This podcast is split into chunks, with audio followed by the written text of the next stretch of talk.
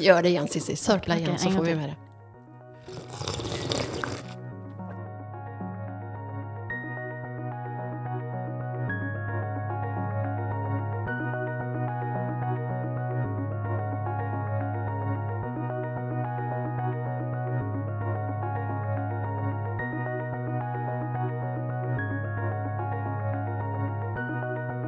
Och med den sörplen så hälsar jag eller vi dig välkommen till dagens eller veckans 11 kaffe med Fru Vintage. Och idag sitter vi, eller jag, eh, och eller vi, jag ska snart presentera min gäst, med utsikt, en fantastisk utsikt över den östgötska slätta, som man säger lokalt här. Eh, och jag säger välkommen till dig som sagt som lyssnar och till min gäst. Nu ska jag läsa till här, för nu har jag gjort mig till. Cecilia Elena Margareta Möller Kirchsteiger. Stämmer det eller? Det stämmer helt rätt. Det är väldigt få som tar alla är det namn. det Sebastian ropar när han blir irriterad på dig? Ja, han drar alla Det namn. blir han aldrig i och för sig, men, men det skulle han kunna göra. Känner mig som Pippi Långstrump som har alla namn liksom. Mm. Välkommen! Tack! Och tack för att jag får vara här i ert helt fantastiska, alldeles splitter nya hus. Ja, men tack att du kommit hela vägen hit. Hela vägen, hela vägen. Vi ska prata jättemycket om ert hus, eller jättemycket, men vi ska prata om ert hus och bygget. Jag vill veta allt. Men eh, jag brukar ju... Nej, men först vill jag, vill jag ju veta, var, vart kommer de här alla namnen ifrån? Elena, Margareta. Eh, Margareta var min mormor, så det var ju Mm. lättast att berätta om. Och jag är ju eh, lilla syster till två storebröder och min mamma bestämde redan i magen att det är en Sissi i magen. Så då Aha. blev det Cecilia. Ja. Sen tror jag att hon fick Elena från någon slagerfestival. Så var det någon sångerska som hette Elena. Och då var det liksom Elena också då. Det Lite fint. liknande mina namn, för mamma...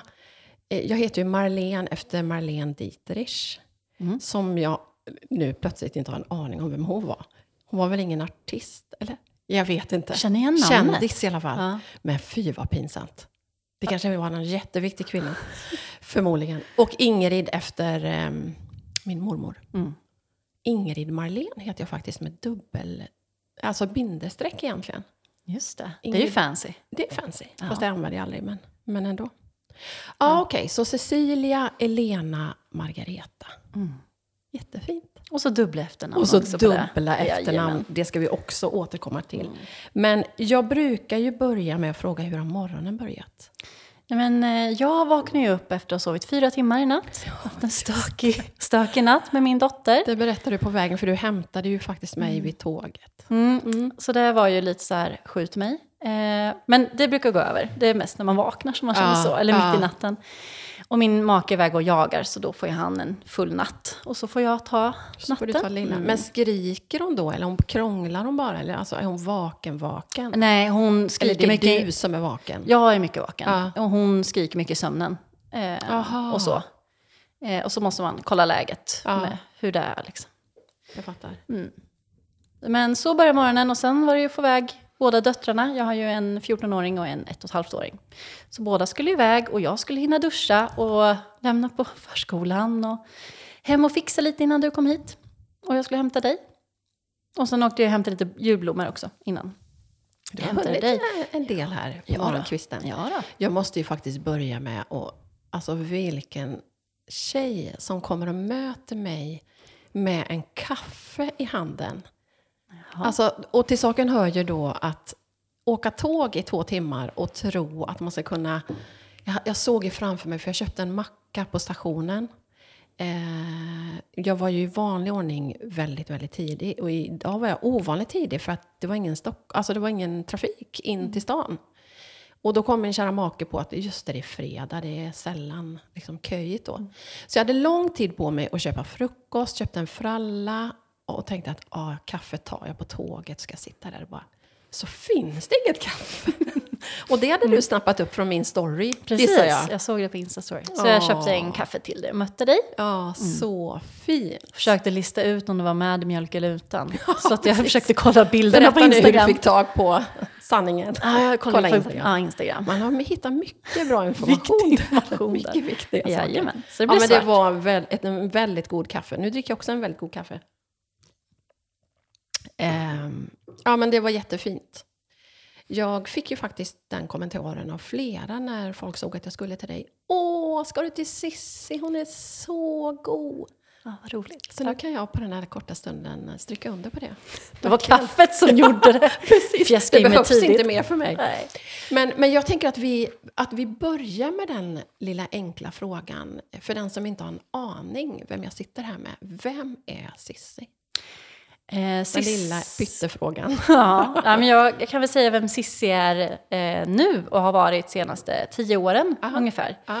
I, eh, I de som inte känner mig så väl så är jag eh, fotograf. Eh, fokuserar mycket på inredning. Jag gör mycket hemma hos-reportage. Jag kan tänka mig att många av dina följare kanske jag har varit och gjort hemma hos-reportage hos. Säkert, säkert. För jag har nog varit i närmare, ja någonstans mellan 400 och 500 hem de senaste tio åren. Oj! Ja. Så jag sitter ju i min bil och åker runt liksom och fotar mycket hem. Sen plåtar jag för företag och sånt också. Men eh, det syns inte utåt på samma sätt. Så det, det som folk vet om mig är oftast att jag är fotograf och inriktad på inredning och hemma hos-reportage. Så det är väl det som, eh, men det som jag har varit de senaste tio åren. Eh, om man ska prata jobb. Ja. Sen vem jag är eh, personligen så är jag väl en, en ganska så här påhittig person. Eh, inte så att jag sitter och pysslar varje dag, men det är, li- jag gillar när det händer saker. Jag har ofta, det händer mycket med mig. Eh, Det kan jag tänka mig på den Ja, här det- korta stunden. Ja, men jag så här, gillar att ha eh, ganska intensiva scheman på dagarna. Jag har en tanke om mig att gud vad mysigt det skulle vara bara att ta det lugnt och bara lunka runt. Men sen inser jag att jag eh, planerar in sådana dagar och så fylls de alltid till bredden. För jag älskar att få in liksom med vänner, jag vill gärna träffa någon vän varje dag. Eller prata längre med någon vän varje dag. Och sen har man familjen, man har jobb, man har ärenden, man har rekvisita som ska inhandlas. Och så. Alltså det, det, blir full rulle, alltid. Så. Svårt att bara vara hemma en hel dag, faktiskt. Jag uppfattar dig på den här lilla korta resan från Linköping centralstation ut på Vischan i närheten av Mantorp. Ja. Håller vi ju till nu. Precis. Att du är en väldigt em, öppen och orädd tjej. Ja, men det stämmer nog ganska bra, faktiskt. Ja. Det är väl det som har gjort att jag har eh, haft en, den vägen jag har haft bakom mig eh, med olika typer av eh, inriktningar karriärsmässigt. Och jag väl, det är väl något som har varit också att jag ganska ofta haft modet att hoppa på ett nytt tåg som kommer till stationen på något sätt. Om man ska prata i metaforer. Eh, för jag har väl alltid haft en trygghet bakom mig med en, en familj som alltid ställer upp. Och, alltså gr- grundtrygg på något sätt. Och då är det inte så läskigt. Och då Nej. bryr man sig inte så mycket om vad alla andra ska tycka. Nej, vad fint. Eh, faktiskt. Så det är en egenskap som du har med dig liksom hemifrån? Sen Ja, men jag liten? tror det. Ja. Eh, två överbeskyddande storebröder. Så jag var ju Ah. alltid väldigt... Det var ju skitjobbigt i tonåren när de gick och tryckte upp killar som man Hur mycket äldre? Två, och, eh, två och fem år äldre. Men, alltså, så här, ja, men jag har, aldrig varit rädd. Ehm, så. Inte ens, du vet, man gick hem från krogen när man var 19 eh, och gick förbi en skog. Jag har aldrig varit rädd. För jag har alltid haft någon typ av övertro på mig själv, att jag kan nog slå ner någon också. Om det ska- Övertro på dig och brorsorna Ja, kanske? men lite så. Eller Ja. så här, jag vet inte. Jag är inte, inte så rädd av mig, faktiskt. Nej, Eh. underbart. Men är det här dina hemtrakter? Mm. Mina föräldrar, jag är uppvuxen i Mantorp. Eh, tänkte väl aldrig att jag skulle bo kvar där. Eh, och flyttade iväg efter skolan och sådär. Och sen sakta men säkert så tog man sig tillbaka där man hamnade där på något Ja, sätt. tänk att det ofta är så. Ja, ja men, och det känns så himla rätt. Och jag vet att när man har åkt runt och varit mycket i storstäder och sånt och träffat nya människor, ehm, att många inte tror att jag är en småstadstjej. Utan vadå, du känns som en sån här stor... Ja, men lite så. Och man bara, fast jag tror inte ni förstår hur härligt det är med en småstad. Nej. Alltså, jag älskar det. Eh, att man, man har sin community här och det är ingen stress, det är inga bilköer. Eh, det är, eh, man har familj nära, man har ett, ett, ett nätverk runt sig som gör att allt löser sig. Ja, Ehm, vad fint. tycker jag. Men också, vi bor ju lite liknande som ni eh, ute på Vischan, även om vi har nära till Stockholm och så. Så är det ju så härligt. Alltså man har ju hela pulsen, man kan välja pulsen. Men när man kommer hem, då är det stillheten och visst är det underbart? Älskar det. Jag tror det behövs också när man, att, när man är en person som gillar att göra mycket, att få komma till lugnet så kanske det också liksom blir en fin brytning. Att leva i puls blir nog, eh, för mig skulle det bli för jobbigt tror jag. Ja. Kanske är så för dig med. Ja, Eller? ja, Mm. ja, ja, absolut. Jag älskar pulsen, men jag älskar att jag kan välja den. Mm. Mm, och att jag precis. eh, i- liksom i vardagen och i den största delen av tiden ändå har det här lugnet. Och, ja. Mm. Det är härligt att ha mixen av allt. Och sen är du också gift med Sebastian. Precis. Hur, hur träffades ni? Ehm, Sebastian och jag träffades, det var 2018. Eh, när jag fotade, jag har gjort pressbilder för Ernst Kirchsteiger i, ja nu är det 11 år sedan jag började med det. Eh, och då, så, ja men jag har ju fotat honom varje, varje jul och varje Jaha, sommar. så du började jobba som fotograf hos Ernst och så Ja, träffade Sebastian precis. där? Men- Och Sebastian är ju Ernsts son. Ja. Eh, och han var med på en plåtning 2018. Och då träffades vi eh, och sen blev han min kontaktperson. Jag ska inte säga att det snod glister direkt, men vi hade väldigt roligt ihop. Ehm, och sen eh, blev han min kontaktperson till plåtningar eh, med den, företaget. den såg han säkert till att ta den uppgiften då. Ja, eller hur? Nej, och sen blev vi vänner och sen utvecklades det kan man säga. Och sen, sen gick det väldigt fort. Vi blev väl tillsammans 2019. Och sen på ett år så var ju vi, eh, hade köpt tomt, flyttat ihop, förlovat oss och jag var gravid. Stämmer det? Jag tror det. Jag måste tänka, det var typ ett och ett halvt år där. Ja men det gick Wow. jättefort. Ja. Bra jobbat. Mm.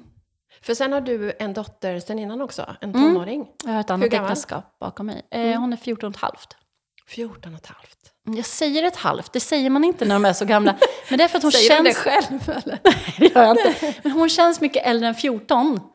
Så därför blir det att jag säger 14 och ett halvt. För att liksom trycka på att hon är äldre än 14. Fast ja, Tycker hon själv att hon är äldre också än 14? jag tror nästan alla tycker att hon Ja. är äldre än 14. Jaha. Ja. Mogen tjej. Mm, väldigt. Jag insåg ju det när jag läste på nu lite inför att vi skulle dricka kaffe tillsammans idag. Eller du dricker inte kaffe förresten, det ska vi avslöja. Ja. Du dricker inte kaffe alls, eller? Jag hatar kaffe. Men jag, eller vet du vad, jag älskar doften av kaffe. Ja. Men jag gillar verkligen inte smaken. Du gör det. Jag dricker ju grönt te. Ja, det får gå. Ja, Det det, var bra. det är min grej. Det är din Ja. grej. Nej, men... ehm, nu tappar jag tråden helt. Vad skulle jag säga? Du läste på innan du kom hit. precis. Och insåg att snälla lilla människa, du är både småbarnsmamma och tonårsmamma samtidigt. Mm. Mm. Ja. Det, Hur går det? jag vet att många tänker, gud optimalt, hon är ju stor och kan hjälpa till massor. Och, Det tänkte ja. inte jag kan jag säga. Nej, men du har ju- erfarenhet Ja, också. precis. Nej, men jag eh, tänkte väl lite så också. Sen eh, inser jag att nej, men man sitter ju, man ska ju hämta henne sen på kvällen. Ja. Och sen har man ju en liten som ska upp mellan fem och sex på morgonen. Och sen, ja men mycket sömn eh, blir påverkad. Ja, det, det jag det. det är det som är det jobbigaste. Ja. Annars så är det ganska ljuvligt. Liksom. Vad är mest utmanande? Är det att vara småbarnsmamma eller tonårsmamma? Eller är det bara liksom en härlig mix? Eh, alltså, nej men det är nog småbarnsmamma. men det är sömnen, alltså shit. Ja, det är det, det där det Ja, skiter sig. Mm, det är Ja. där det skiter sig. Hade Ja. jag haft sömnen så hade jag inte svarat så kanske. Och så är det ju verkligen. Mm. Får man sova Mm. så klarar man ju det mesta. Men får man inte det? Ja, nej, alltså det har blivit stort fokus i mitt liv. Samtidigt som jag inte kan gå och lägga mig på dagen heller, utan då kör man ju på liksom. Det kommer du göra sen. Eh, Det gör jag ofta och gärna. Mm. Tar en sån här napp mitt på dagen. är Om ganska ett 20 år sådär så kommer du inse. 20 Vad år! Så stor åldersskillnad är det nog inte på oss, tror jag inte. Jo, det tror jag.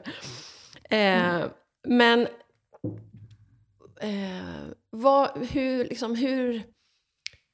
Finns det någon skillnad, eller vad, vad är skillnaden på att, att bli mamma nu och för 14 år sedan? Hur gammal var du då? 23 Ja, när jag fick Jag henne. tänkte, det, tänkte säga att ung mamma, men jag var ju faktiskt 22. så då var vi ganska... Ja. Ja. Jag, eh, jag vet att när jag var 23 och då var jag först i gänget att skaffa barn. Jag var väldigt stressad att komma tillbaka till mitt vanliga liv. Att jag vill inte vara den här som satt hemma. Jag vill inte uppfattas som tråkig. Jag vill Nej. inte vara tråkig. Nej. Så jag vet att jag kände en stress över att mitt liv var tvungen att fortsätta och hon fick bara följa med. Så hon, eh, vi släpper ju med henne liksom överallt. Ehm, och det gick ju jättebra. Medan nu när jag är, jag var ju då 36, när mm, ja 36, när jag fick eh, Elsie som hon heter, den yngsta. Och då var det, kände jag ett helt annat lugn för jag orkar inte. rent ut sagt. Nej. Jag orkar inte. Utan jag eh, har ett helt, helt annat lugn. Jag har inte stressen att komma in i karriären snabbt tillbaka igen, utan jag kan ta den här pausen. Ja, för jag vet klokt. att det här är sista jag, pausen jag tar, liksom, tack vare barn. Ehm, så det är ett helt annat lugn. Eh, man har ju vänner, alla har ju nästan barn nu. Inte alla, men de flesta har det. Eh, så det är en helt annan acceptans. I, eller de accepterar väl annars också, men det, man ses på ett annat sätt nu eh, än när man var 23, för då var det fest. Ja, det. Och nu är det väl inte, nu är det liksom lite middag och lite mys och barnen leker. Ja. Det är på ett annat sätt. Ja. Så hur hade du gjort idag om det här hade varit, om du hade fått ditt, eller då, om du hade fått ditt första barn och haft den här erfarenheten? Jag hade nog eh, tagit det mycket lugnare. ehm, faktiskt. Jag fick barn med, när jag kom, min första dotter var inte en planerad eh, graviditet. Eh, men, eh, och så jag pluggade det- det under den tiden. Så jag fick ta sabbatsår från plugget. Ah. Och det tyckte jag var jobbigt att hamna på efterkälken. Just Liksom. det. Mm. Så det var väl också där man ville tillbaka och fortsätta den utstakade väg man hade satt för sig själv. Liksom. Just Nu det. blev det ju inte alls så. Men, men i den, den åldern så hade jag den tanken.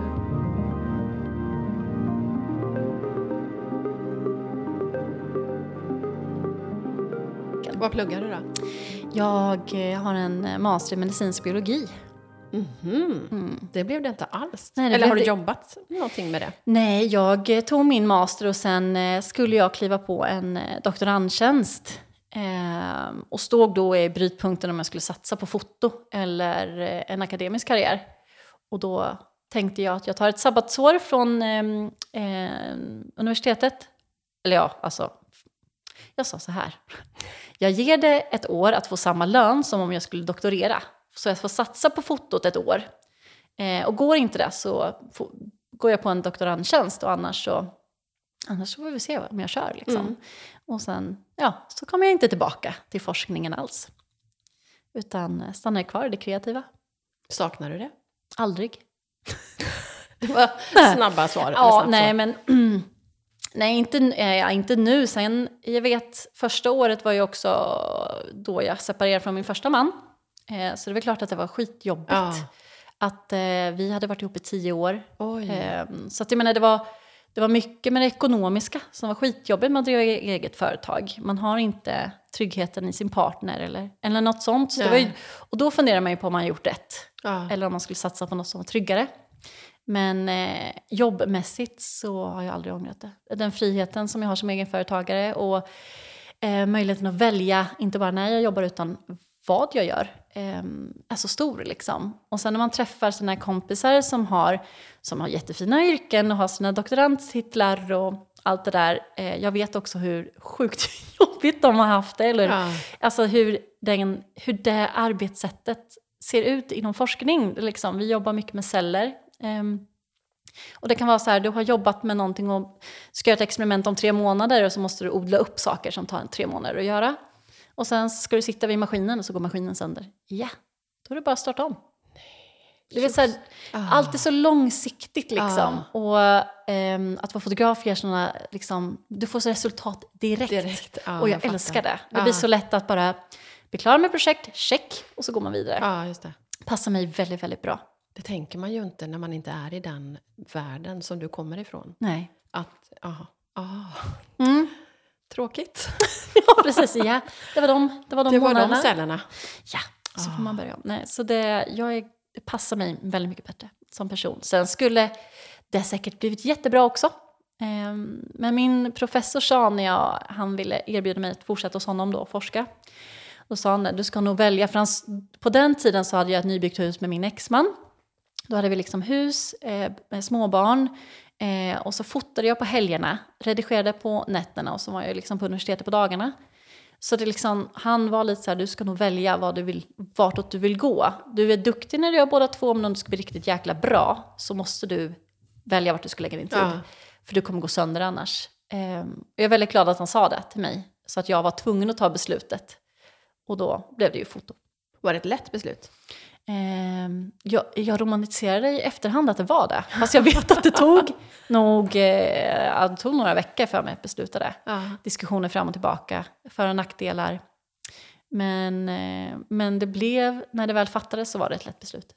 Klok professor. Ja, faktiskt. Men du, innan vi går vidare och pratar lite mer jobbrelaterat eh, så vill jag koppla tillbaka till barnen. Vad är viktigast för dig att skicka med dem ut i livet? Trygghet. Eh, grundtrygghet. Eh, så att de, likt jag, känner att man vågar göra saker för man alltid har något, liksom ett nätverk som man kan falla tillbaka på om det inte funkar. För allt man testar funkar inte. Så det är ju just trygghet som jag försöker förmedla. Det är viktigare än höga betyg, eh, tycker jag. Håller med dig fullständigt. Och trygghet och självkänsla går väl lite i hand. Eh, men just, just att, att, själv, att de ska känna att, att de har ett stöd, alltid, som finns där. Liksom. Ja, Eh, det- superbra. Jag Mm. tänker idag också att alltså, världen är ju sån att du när som helst kan ändra riktning. Eller, Mm. alltså, det är klart att det är viktigt med skolan och det är viktigt att lära sig grund. Men samtidigt så kan jag tycka ibland att, att vi lägger alldeles för mycket vikt vid det. Mm, absolut. Eh, liksom, än att ja, men utrusta dem för livet. Och, Absolut, Ja, håller med dig. klara sig.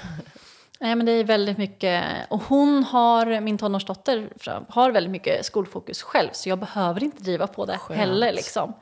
Ehm, så det är också tacksamt. Ja. Men samtidigt så tänker jag alla fantastiska människor man har träffat genom alla år nu när man har rest runt och alltså alla man stöter på. Liksom. Är det de lyckligaste människorna de som har pluggats mest? Eh, nej, det är de inte. Det är inte de som är de lyckligaste. Um, så då kanske inte det är så himla viktigt. Nej, och någonstans så handlar det väl om att vad, vad, liksom, vad är viktigast för mig? Och vad, vad är det som driver mig och vad trivs jag med? Det är klart att det finns människor som har jättehöga eh, studier och är jättelyckliga. Men det är ju inte något kriterie. Nej, det är jättekul att jag säger det här eftersom jag hade bäst betyg i alla ämnen och har pluggat väl väldigt många år.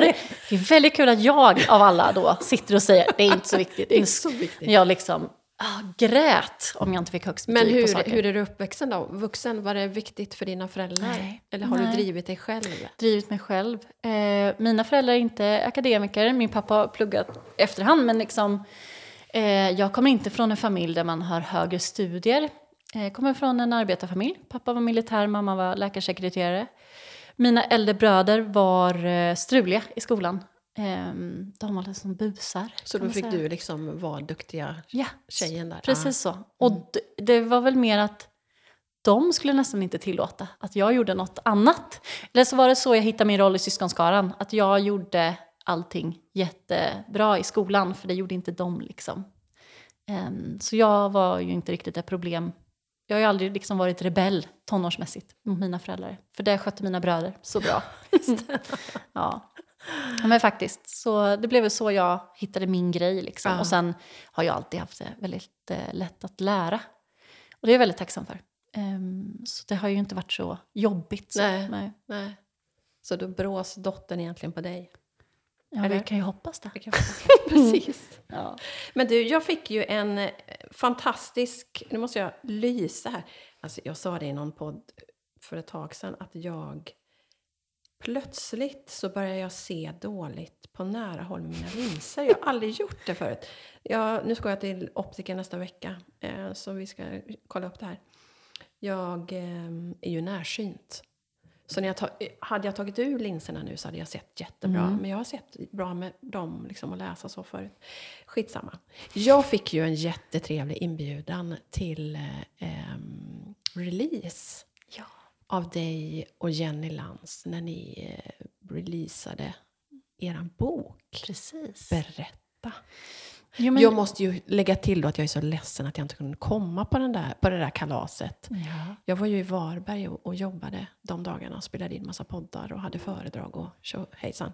Men jag har ju er fina bok eh, och älskar den. Men nu ska du få berätta, vad heter den? Och, och, Men jag och eh, Jenny, eh, vi, gjorde, vi har gjort en bok som kom ut nu i mitten av oktober som heter eh, Vinterstjärna och iskristall. Så vackert namn! Ja, Bara men- det!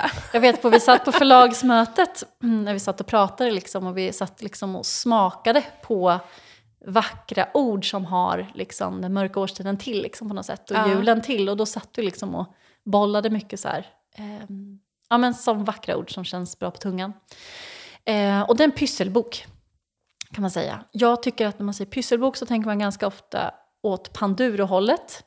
Men det här är lite mer, vad ska man, ja, recensionen säger att det är lite mer eleganta Det kan jag eh, verkligen hålla med eh, om. pyssel. Mm. Eh, mer vuxenpyssel. Mm. Fast när man säger vuxenpussel låter det lite snuskigt. Fast det är det inte. Utan det är liksom ja, men fina pyssel som man kan göra som vuxen. Du kan göra det som barn också. Men det är liksom vackra kreationer du kan skapa med oerhört enkla medel som papper. Och det är eh, bara papperspyssel. Och det är allt ifrån baklåtspapper till kaffefilter till A4-papper till krepppapper och tapet. Inte tapet förresten, eh, men eh, vad heter det? presentpapper. Just det. Ja. Men det är liksom papper som du lätt får tag i. Du behöver inte ha något speciales speciales utan du kan ta något billigt du faktiskt redan har hemma.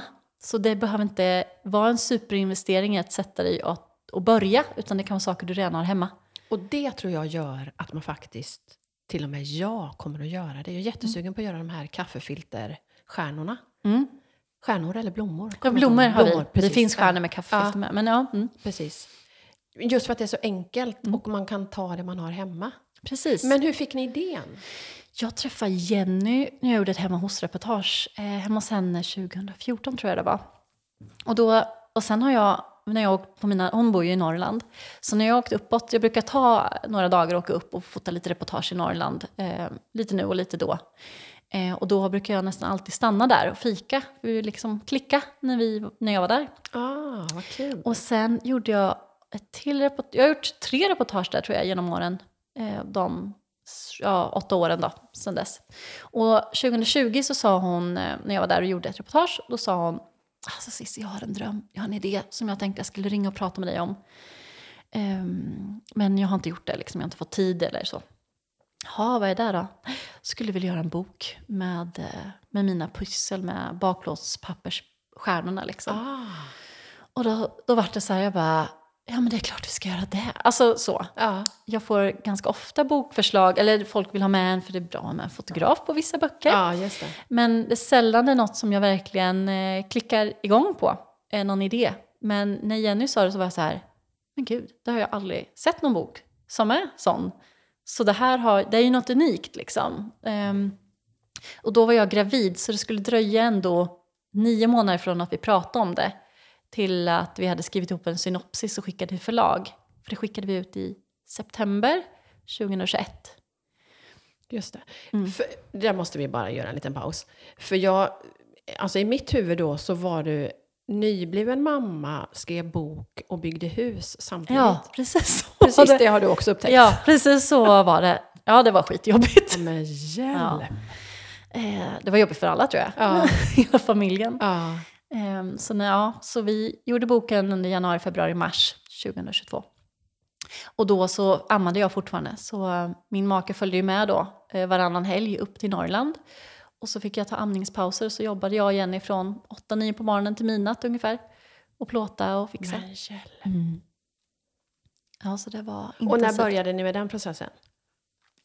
Ja, men januari, februari, Ja, mars. januari, februari. Ja. Ja, för det blev, det, var, vi fick en, det blev en ganska kort deadline på leverans av boken för de ville ha ut det till hösten. Ja. Just det. Mm. Ja. Så, ja. så det är skitkul att den är ute nu. Ja, vad Eh, skönt också kan jag tänka. Jätteskönt. Fast det är lite så här, det var så länge sedan man gjorde den där nu känns det som. Och man romantiserar alltid saker i efterhand så efteråt känns det inte så jobbigt. Eh, Fast man vet att det var där då. För om du ska ge dem om sanna, inte romantiserade råd då. Det är ju inte utan att man är lite sugen. Det är många som släpper böcker. Absolut. Men det finns ju alla möjliga vägar att gå. Så man kan ju ändå släppa något som ingen annan har släppt. Mm. Men vad är dina bästa eh, råd? Ehm, vi, ja, vad ska jag säga? Vi skickade ut en synopsis. Det är när man skriver vad man, om boken. Ja, Ehm, själva idén. Ja, själva idén, visar lite bilder, gjorde vi och sådär. Och pratar om målgrupp och sånt. Och det skickar vi ut till fyra förlag. Ehm, så det är ju, det rekommenderar man ju att skicka ut till flera förlag. Ehm, och sen hade vi möten med allihopa. Men visste ni då hur man skriver en synopsis? Jag googlade. Det Ja. är det man gör idag. Ja, precis. jag googlade och så, så läste jag hur man gjorde och så gjorde vi det. Ehm, och gjorde, satte ihop en presentation. Ehm, och så hade vi möte med alla och det var skitbra. Bara att så här, få höra, för förlagen jobbar ju på olika sätt. Som du sa också, man kan ju, man kan ge ut under eget också liksom. Ehm, tips annars, eh, god framförhållning. Eh, inte sätta för kort deadline, eller in, alltså så man har lite tid på sig. Mm. Särskilt om man har en bebis och bygger hus samtidigt. Mm. Lite så. Och samarbeta med någon som bor ungefär åtta timmars bilresa bort. Mm. För jag trodde ju i min enfald att ni bodde nära varandra. så Åh, jag nej. tänkte att vi skulle dricka elva kaffe alla tre. Men Nej, det är en Så bit var det inte. bort, eh, Jenny. Det ju också gjort det lite mer komplicerat. ja, Ehm, såklart. Men det gäller att vara planerad och eh, organiserad. Eh, det är väl som de mina mesta projekt man ska ro i Ja. land. Liksom. Ja. Organisation och planering är liksom lite A och O. Ehm, jag ska se, jag tänker om några mer bra tips. Jag tänker att, att göra en pysselbord särskiljer sig ganska mycket från att skriva skönlitterärt. Eh, och på det sättet liksom. Men det är ju lite som, kanske mer som att göra en, en kokbok då. Ja, liksom. Mm. Och det är att man maximerar de dagarna man fotar, då kör man ju liksom all in. Och så får man ju skriva och fippla med text dagarna däremellan. Liksom, Ja, just det. Sen hade vi ett jättebra eh, team och jag tror att det är väldigt mycket på att välja med magkänsla när man ska göra sådana här projekt faktiskt. Så att man har människor i, i, sin, i sitt eh, projekt som brinner för projektet. Eh, och det var så vi valde förläggare också, eller bokförlag. Vi tog de som kändes bäst i magen, som gav oss mest värme och som eh, kändes som att de var väldigt, väldigt, väldigt taggade på det här. Så så Jenny och jag valde. Och det har bara varit kvinnor som varit med i skapandet av boken. Jaha, Alltså kul. från förlaget också. Mm. Och det har varit väldigt eh, kul faktiskt. Och vilket förlag är det? Norstedts. Norstedt. Mm. Så det känns jättekul. Roligt. Men om vi då ska ta ett av dina andra stora projekt, eh, huset. Mm. Hur, alltså det är ju en sån makalöst vacker plats med det ligger ju som i en björkdunge och du berättade att ni har tagit ner, vad sa du, 150 Mm. björkar innan tomten såg ut som den gör nu. Precis, det var en björkplantering liksom, eller ja, en björkdunge. Men Som- varför just här? Eh, när jag separerade från min exman, det här var 2014, då, då hade jag liksom en dröm om att jag ville bo på landet. Och då var det så här, jag skulle klara mig själv, jag var eh, varannan vecka mamma.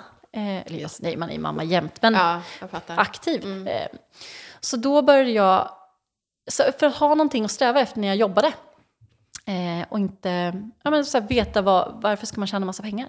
Liksom, vad ska jag göra av dem? Ska jag bara köpa dyra grejer för den? Eller nej. Utan jag eh, satsade på att jobba för att spara pengar eh, till mitt drömhus som jag ville bygga på landet med min dotter. Wow. Så tanken var från början inte ett så här stort hus Nej. utan eh, ett mindre hus för henne och mig. Liksom. Eh, så de åren jag har jobbat har jag liksom jobbat 120 procent eh, och sparat pengar, investerat pengar, placerat pengar för att kunna bygga drömhuset. wow. Så det har varit min morot och också min ursäkt när min eh, dotter under sin uppväxt har frågat varför mamma jobbar så mycket. Um, där är liksom, men är, mamma vill ju bygga huset åt oss. Ja. Ehm, så. Hade du sett ut att du ville ha i det här området då? Nej, jag hade sett, jag hade sett min tomt. Eh, bara att den bonden ville inte sälja. Så det var ju ingen tomt, utan jag hade sett en fin skogsdunge. Han ville inte sälja. Eh, då frågade han om han kände någon bonde som kunde tänka sig att sälja. Då tipsade han om en annan bonde. Eh, så visade oss några tomter som inte jag klickar med. Och då, eh, samma dag som vi var och kollade på dem, så tips, eh, åkte jag förbi fika hos en kompis.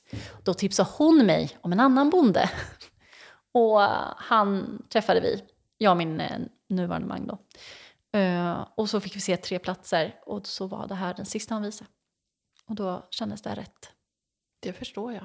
Eh, och från början tänkte han göra två tomter av den här dungen, men då sa vi att då köper vi båda. Eh, han bara, jaha, vill ni ha så stort? ja men gud, det är väl klart ni får köpa. Jag tänkte att ni inte ville ha så stort. Nej. Men ja.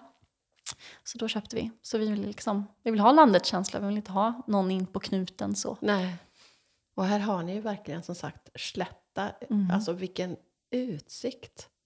Ja, nej, men vi, det, vi gillar, vi har ju bara bott här i fem månader nu, men att se, det är väldigt mysigt att se årstiderna över ett fält på något sätt. Liksom under tidig sommar när det var raps. Liksom. Ah. Och, alltså, man, alltså, man får se hela, alltså, hela året. Och kul med dimman när den ligger liksom, över fältet på sommaren. Och, alltså det är magiskt.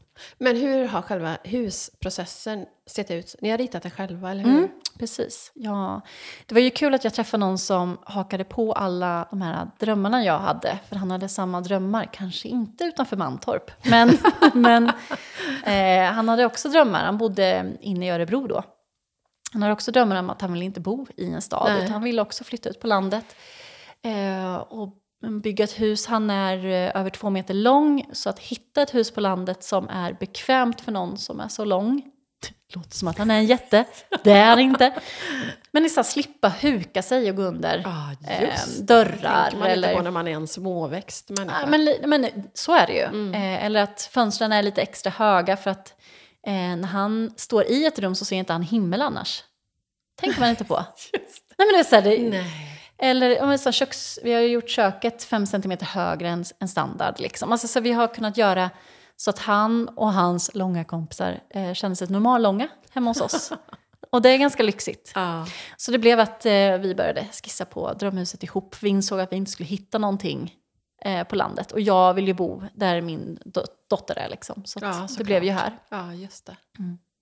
Vad, vad har du för liksom, eh, tre snabba, höll jag på att säga, till den som, som kan, kanske drömmer nu om, om det där husprojektet? Det gör ju faktiskt vi också, min man och jag. Gör ni det? Ja. Eller drömmer, men vi pratar om det ibland. Tänk om man skulle bygga sitt eget hus. Vi har ju bara, inom situationstecken, haft en massa gamla renoveringsobjekt som vi har köpt genom åren. Mm. Och det senaste nu då, gården som vi bor på, den är ju från slutet på 1600-talet, liksom själva stommen, ja, vårt hus. Men att få rita och göra precis som man vill. Men det har ju två olika... Alltså det är jättekul att rita sitt egna hus precis som man vill och anpassat för sina egna behov. Och kunna tänka, inte bara ah, det här ska vi kunna sälja sen. För vi har ju byggt ett hus för vi ska bo här resten av livet. Ja, ja. Så det är för våra behov och inte för att vi, det ska vara säljbart Nej, just det. enkelt sen. Ehm, men jag tänker det finns ju en charm i att renovera. Jag är ingen renoveringsperson. Så jag, skulle, jag tror inte jag skulle passa så bra i det. Men det finns ju väldigt många andra som är, så det är ju tur. Eh, men det finns ju en charm i äldre hus som man inte Ja, kan det gör kringgå. ju det. Fast det har jag också lutat mig ganska mycket mot. Jag har ju sett väldigt många hem, eh, som sagt, i Ja. mitt jobb. Och det har jag alltid lutat mig mot när vi har byggt huset. Ibland måste man göra kompromisser, eh, dels för att det ska funka planlösningsmässigt eller också av ekonomiska skäl. Mm. Och det har jag alltid sagt till min, eh, min make, ehm, att alltså så här, oavsett så kommer ju det här vara mer, bättre för oss och mer specialanpassat för oss än vilket annat hus som helst. Oavsett om vi gör den här lilla kompromissen Ja, som inte det. blir perfekt då, så kommer det ändå vara mycket bättre än att vi ska köpa ett hus som någon annan har byggt för sina behov. Ehm, och så kan man landa lite i det. Ja. Eller ja, men som du fick en rundvisning, man måste, vi har tre badrum men på nedre eh, våningen så måste man gå igenom tvättstugan. För att vi har valt att ha en dörr ut mot framtida poolområde från det här badrummet. Och då, så här, det är ju inte optimalt att gäster ska behöva gå igenom tvättstugan. Fast så tänkte jag så här, men alla andra gamla hus då? Det kringelikrokigt för att komma till vissa rum. Ja, och, alltså, så här, ja. Hur svårt är det? Ja, nej men visst. Hur bekväm ska man tycka att man alltid ska vara? Liksom? Kanske är det en liten morot också till att ha någorlunda ordning i tvättstugan, eller? Ja, men jag tänker nog det också, Ja. så man inte snubblar över saker. Ja, lite så. Ja. Vad har varit det svåraste? Mm. Alltså det är ju alla val. Det är svårt att säga exakt. Jag har lagt mycket tid på uh, fasad. Mycket med googlande tid. Tror jag där jag har lagt mest efterforskningen på. Eh, faktiskt. Vad som skulle vara den optimala fasaden att ha som är så underhållsfri som möjligt. Ah, Och det. utan att det blir en prislapp som är en halv miljon till. Liksom. Eh, och vi slutade på järnvitriol. Fast jag... Ja, nej, det är ju kul det här med att sitta och googla på saker. För du kan läsa de som tycker att någonting är superbra och Ja, det bästa som exakt. finns och hej och hå. Sen finns det någon som säger helt tvärt emot. Och så får man försöka liksom väga dem mot varandra. Så vi slutade i järnvitriol och sen sa vi, blir inte det jämnt och snyggt, eh, då kan vi måla över det med slamfärg. Falufärg. Ja. Mm. Men vi tycker om att ha ett utseende som... Eh, ja, men här är, nu är det ju mörkbrunt när du såg. Det kommer ju gråna med tiden. Att det känns som ett hus som alltid har stått här. Och inte en, eh, ny, alltså att det inte ska kännas så nytt Nej, liksom. just det. utan att smälta in lite i björkdungen på något sätt. Och det behöver inte kom- behöva underhålla alls. Nej, man tvättar. Ja. Men, eh, men det är det. Du behöver inte måla eller Nej. något sånt. Utan det är Inte skrapa framförallt. Nej, inte skrapa. Jätteskönt. Vilken lyx. Ja, så det blev... Eh, jag hoppas att det här kommer funka bra. Ja. Det känns bra än så länge. Så där har jag lagt mest tid tror jag. Vi flyttade ni in i maj? Ja, slutet av april. April? Ja. Nästa maj. Mm. Så ja, nej, så det, det är väl det. Och sen, eh, vi har lagt väldigt mycket tid på att planera eh, kök. För det är där vi är mest. Mm. Och det är här vi sitter nu. Men eh, just för att få det som ett socialt kök. ja. Utan att för stä- alltså att det ska kännas rymligt och stort utan att vara för rymligt och stort så det inte blir ombonat och mysigt liksom. Ni har lyckats kan jag säga. Ja, Check på tack. den. Ja, tack. Det är bara att gratulera. Det är så, så fint. Ja, men det blev faktiskt bra. Det blev Mm. jättebra. Och sen, eh, man har ju, det är liksom, eh, det finns mycket man kan hitta inspiration liksom på Instagram och Pinterest och grejer. Sen finns det väldigt mycket inspiration som inte är så praktisk. Eh, Så vi har försökt göra en mix av vad som är praktiskt och Mm. vad som är, vi tycker är smakfullt. Liksom. Jag har ju en tendens att dra åt hellre snyggt än praktiskt. Ja. ja. Men det ångrar man ju ibland. Ja, men ja, ja, så Men kan på det det stora hela så är jag nog faktiskt en sån person. Hellre snyggt än praktiskt. Ja, ja. men jag, jag vet inte om jag kanske skulle varit om jag... Eller jag vet... Ja, nej, jag vet inte. Nej. Jag, jag har ju läst mycket, eh, Tendenser är ett jäkla bra tips om man ska Ja. bygga hus. Eh, just kring lampplacering, alltså sådana här praktisk, apropå praktiska saker. Mm. Hur du placerar lampor för arbetsytor i kök. Liksom, det är jättefint med lampor som hänger över, eller fast du skuggar. Alltså du, Ja, bara, precis. bara tänka innan liksom. Ja. Har du läst hennes bok eller? Mm, det har jag gjort. Och Ja. sen har hon ganska bra på sin eh, blogg också med tips kring hur man placerar och tänker möbleringar. Och just ljuslära har jag läst mycket där. Ja, superbra. Tack Frida Ramstedt för Ja, att du tack ger så snälla. mycket bra kunskap. Ja, verkligen. Ja. Vilket arbete. Ja, men verkligen. Mm. Jag kan tänka mig att det är jättevärdefullt när man sitter där med alla valen. Och som du säger, när det, man kan tycka ett, en sak och så sen, men, men hur blir det i verkligheten? Mm, mm, precis. Ja. Och sen lite så här, vad är lätt att förändra eh, på ett enkelt sätt om man tröttnar? Liksom. Ehm, vi har valt ett kök som är liksom ljusgrått. Eh, kanske lite tråkigt, men det är väldigt lätt att förändra med andra saker som kan vara färg. Ja, just det. Um, alltså så just så här, att göra ett, ett hem som är lätt att förändra med små medel istället för att, jaha nu tröttnar vi på det, då måste man måla om hela köket eller byta ut eller så. Eh, och sen tänk, har jag faktiskt en tanke om att kunna jobba mycket i hemmet. Ehm, med produktbilder och sånt som jag plåtar i mitt jobb, att jag inte ska behöva lämna eh, tomtgränsen så mycket. Ja. Underbart. Ja, det är klart att du kommer vilja vara här. Menar, eller Det här hur? vill inte, det här vill man inte lämna. Men du, ehm, du är ju faktiskt gift till, med en av sönerna till Sveriges inredningsking, Ja. nummer ett.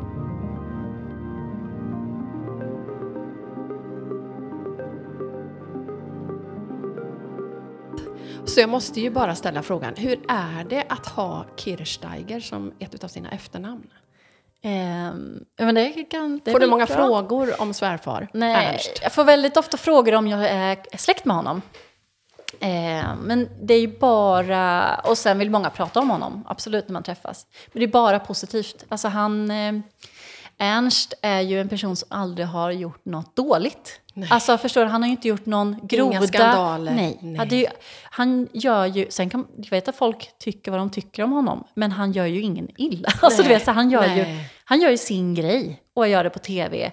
Och gillar att göra saker som är mysigt, vackert och gott med mat liksom. Ehm, så nej, så det, det är ju inget jobbigt att förknippas med honom eh, överhuvudtaget. Nej. Det jag förstår jag. Han, han var ju i Karina Bergfeldts soffa här eh, förra veckan var det väl? Just det. Beroende på när jag kommer att sända det här programmet nu då, eller avsnittet. Eh, och då när, pratar han ju just om det här som var, jag tror att det var främst i början, antingen älskade man Ernst eller så hatade man honom inom situationstecken. Och Mackan och jag, min man, eh, han är ändå en tatuerad kampsportare. I sitt eget huvud i alla fall. I sitt eget huvud. Men vi, vi, jag vet inte hur många gånger vi har sagt till varandra, hur kan man inte älska Ernst? Nej. Det det, det, det är ju för oss eh, omöjligt. Då. Och vi har ju konstaterat tillsammans, min man och jag, att han är ju drömmannen på många sätt. Han är ju en av Sveriges snyggaste karar. Han är lång och liksom har pondusen i det. Samtidigt som han är mjuk och som han själv då säger kan förlora sig i en tussilago. Mm. Alltså, han har ju allt som, som man. Eh, jag, jag kommer snart komma till varför jag prisar Ernst varför jag pratar om honom. Ehm, nu ska vi se vad det var jag skulle säga i detta. Jo, ehm, han är ju fantastisk på många sätt. Eh, men det som, det som... Jag är ju en relationsnörd. Mm. Jag nördar in mig i relationer på olika sätt.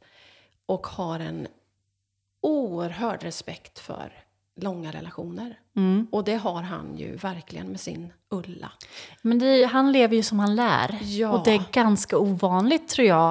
Eh, eller bland folk som anses vara förebilder. Ja. Så det är väldigt många som predikar någonting och så gör de något annat själva. Ja, Men de har ju varit ihop sedan de var 18. 17 läste Sju- jag ja, någonstans. 17, 18, ja. Är de lika gamla? Ja, där är de.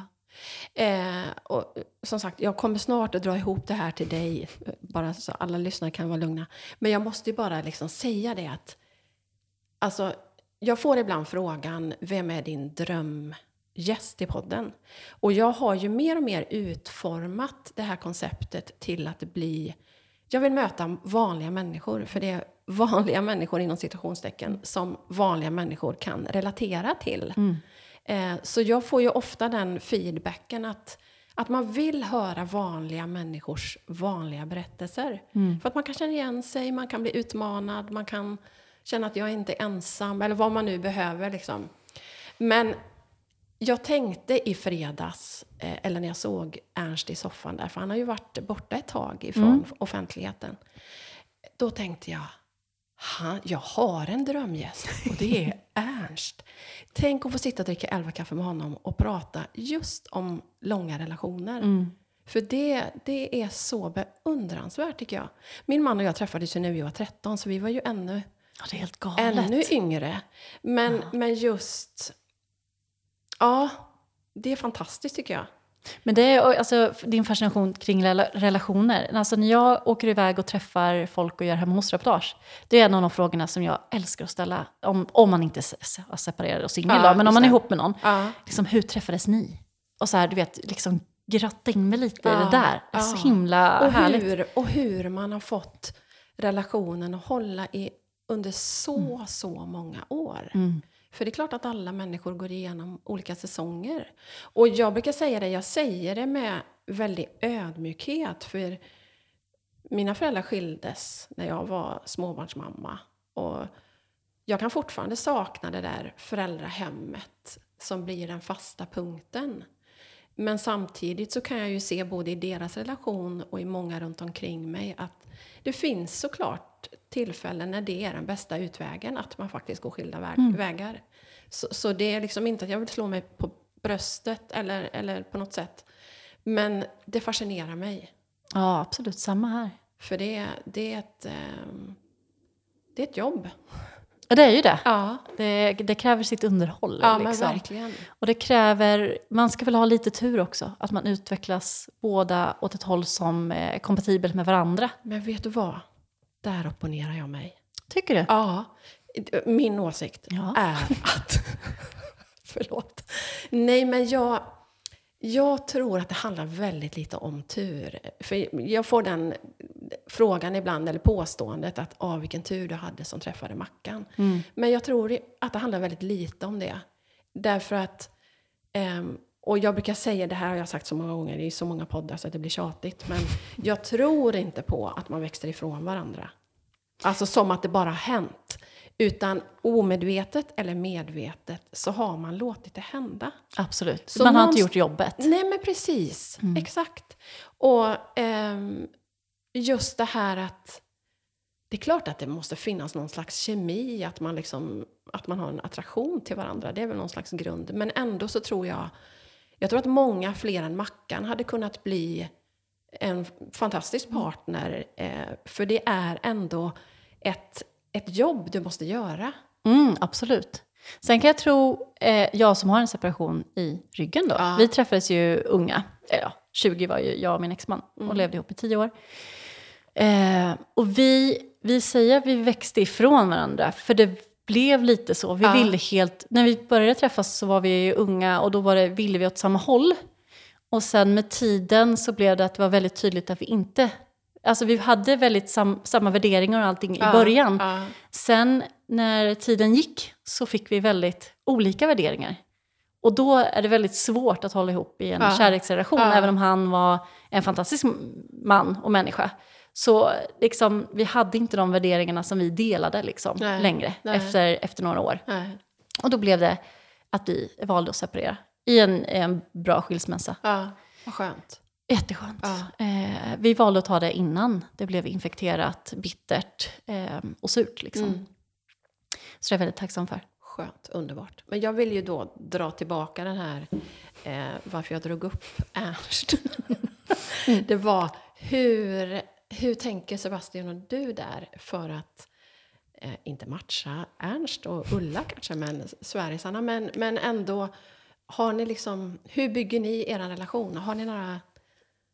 Ja, alltså vi har ju en ganska färsk relation ändå. Ja. Det är ju tre år liksom. Ja.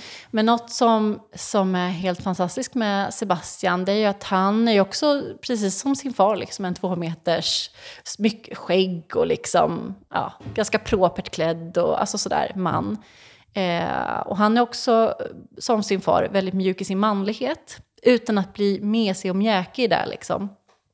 Men han är, eh, han är uppvuxen med föräldrar som är duktiga på att visa uppskattning för varandra.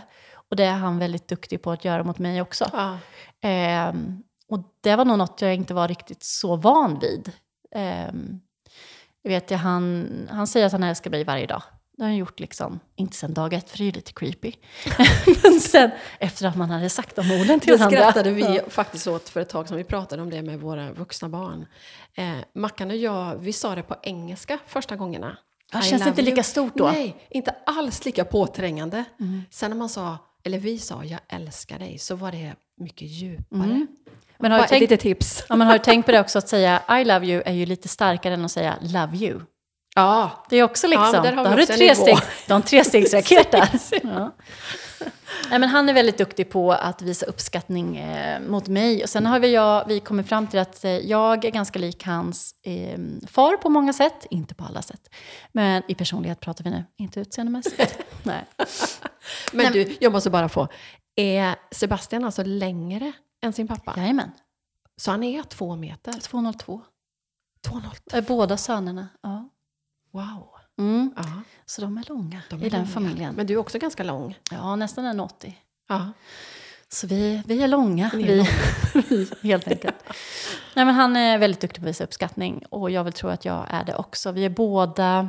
Har du, ehm, har du läst om det här med de fem kärlekarnas, äh, kärlekens fem Det språk? kan du ge dig på att Det jag kan kan utan till. Ja, men då, vi, vi är båda två um, tjänster. Både jag och Sebastian. Vad fiffigt. Så det är väldigt tacksamt. Så var det inte med min exman och då visste inte jag om det här ens. Alltså det är en. Eh, Men man kan se tillbaka att det är så tydligt, ja men du vet, man tittar tillbaka till gamla relationer kan man se så tydligt att det här kärlekens fem språk inte är så himla dumt liksom. Nej. Och för er som inte har läst det kan ju ni Ja, få googla det helt enkelt. Det är, alltså, det är Mm. fantastiskt. Det är ju en revolution. Men det innebär att vi i alla fall visar kärlek och uppskattning på samma sätt genom att göra- göra tjänster mot varandra. Och det är väldigt tacksamt när båda är sådana. Ja. För det blir, eh, det blir ju en skön balans ganska fort. ja. Mm. I det. Underbart. Vad har ni för språk då? Vi brukar skratta åt att, att Mackan har väldigt svårt, eller vi har svårt. Och, men jag tror faktiskt att tjänster är ett av hans kärleksspråk. Ehm, det finns ju en, jag vet inte vilken du har läst, om du har läst boken. Jag har läst boken. Den svenska eller den riktiga? Den riktiga. Ja, den är, Mm. som är engelsk Mm. ursprung. Ja, precis. Där skriver han ju, Gary Chapman, att eh, om man har svårt att, att hitta, för det finns ju fem kärleksspråk, om man har svårt att utröna vilket som är ens huvudspråk, ofta har man ju flera, Mm. men om man har ett huvudspråk, så är, beror det antingen på att ens kärlekstank är tom, så man kommer helt enkelt inte ihåg Mm. vad var det som gjorde att jag kände mig älskad. Eller så är den så överflödande så att man kommer inte ihåg av den anledningen. Alltså man är så påfylld. Ehm, jag har definitivt tid Mm. som ett av mina. Mm. Det här att göra saker med varandra, se varandra i ögonen och ja, ge, att ge mig tid. Då känner jag mig älskad. Ja. ja, det är inte så viktigt för Det är inte så viktigt för dig. Nej. Men jag vet att när jag läste om eh, de, det här, eh, det var ju då tio år sedan nästan då. Och då vet jag att jag tänkte att det var så lätt att tillämpa också på barn. Man behöver inte bara se det i en relationen till sin partner, Nej, exakt. utan se det i relation till sitt barn. Ja. Och se vad det är som är viktigt där för att fylla på dem på Ja. det sättet som funkar bäst för dem. Ja. Det är väldigt, jag känner som många är, vuxna är tjänster. Och det är väl typ inga barn som är tjänster. Nej, det är nog, nej Mm. men precis. Så det, det är liksom, då, ja, man får en annan förståelse på något sätt. Verkligen. Att- Ska vi uppfräscha för den som inte har en aning Ja. om vad vi pratar om? Vilka språken är. Mm. Tjänster har du varit inne på. Närhet, Närhet, eh, tid, tid, presenter ja, gåvor. Ja, och eh, komplimanger va? ja, bekräftande ord. Bekräftande precis. ord, mm. Ja, exakt. Precis. Gåvor är ju längst bort för mig. Ja. Jag tänker, det är nog bland de som är längst bort för mig också. Ja. Säger jag nu med en, med en make som är väldigt duktig på att ge presenter så hoppas han inte lyssnar på det här för då är det jätteviktigt Det för är mig. min också. Det är min också. Kanske just därför, för att de bara ger och så, Ja, så känns det inte som att har- ja, men uppskattar det. precis. Så de överträffar sig själva igen. Exakt. Ja. Smart tänkt av oss faktiskt. Ja. Ja, men verkligen. Nej, men det som du säger, det är verkligen ett jättebra verktyg både i, i alla relationer egentligen. Får man tag på vad det är som, som gör att en människa i ens omgivning känner sig älskad och uppskattad, så wow, vilken revolution! Det blir så lätt att få den att känna sig älskad då, för du, om du vet vilket som är huvudspråket så är det så lätt att ge lite extra av det. Ja, och slippa genvägen och ta, försöka ge allt, alla av Exakt. de fem, ja utan satsa på det som, som man känner och vet Ja, är den personens istället. Verkligen, verkligen. Effektivitet är helt enkelt. Effektivitet på alla Älskat. områden i livet. Men du, kära, kära Sissi. Eh, det här känns som en fantastiskt bra avslutning på ett långt och härligt elva kaffe. Eh, Ja. Kan du gissa hur länge vi har suttit? Nej, men jag blir jättenyfiken på att kolla på klockan nu.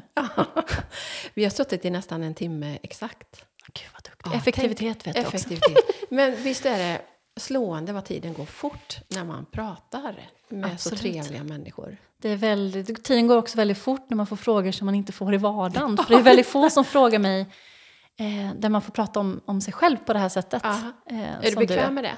Ja, men det tycker jag. Ja. Men man är inte så van vid det. Nej, man är inte så van vid det. Nej. Men vi skickar med, tycker jag, eh, till den som inte har en aning. Köp boken Kärlekens fem språk. Det kan vi väl skicka med som en Den bra. är inte så tjock, den går fort att Ja. läsa dessutom. Och så värd investeringen. Köp min bok också. Säg igen det där vackra ordet. Vinterstjärna och iskristall. Köp Vinterstjärna och iskristall. Jag kan gå i god för att du... Alltså om till och med jag som har slut... Alltså jag är ju ingen pysslare.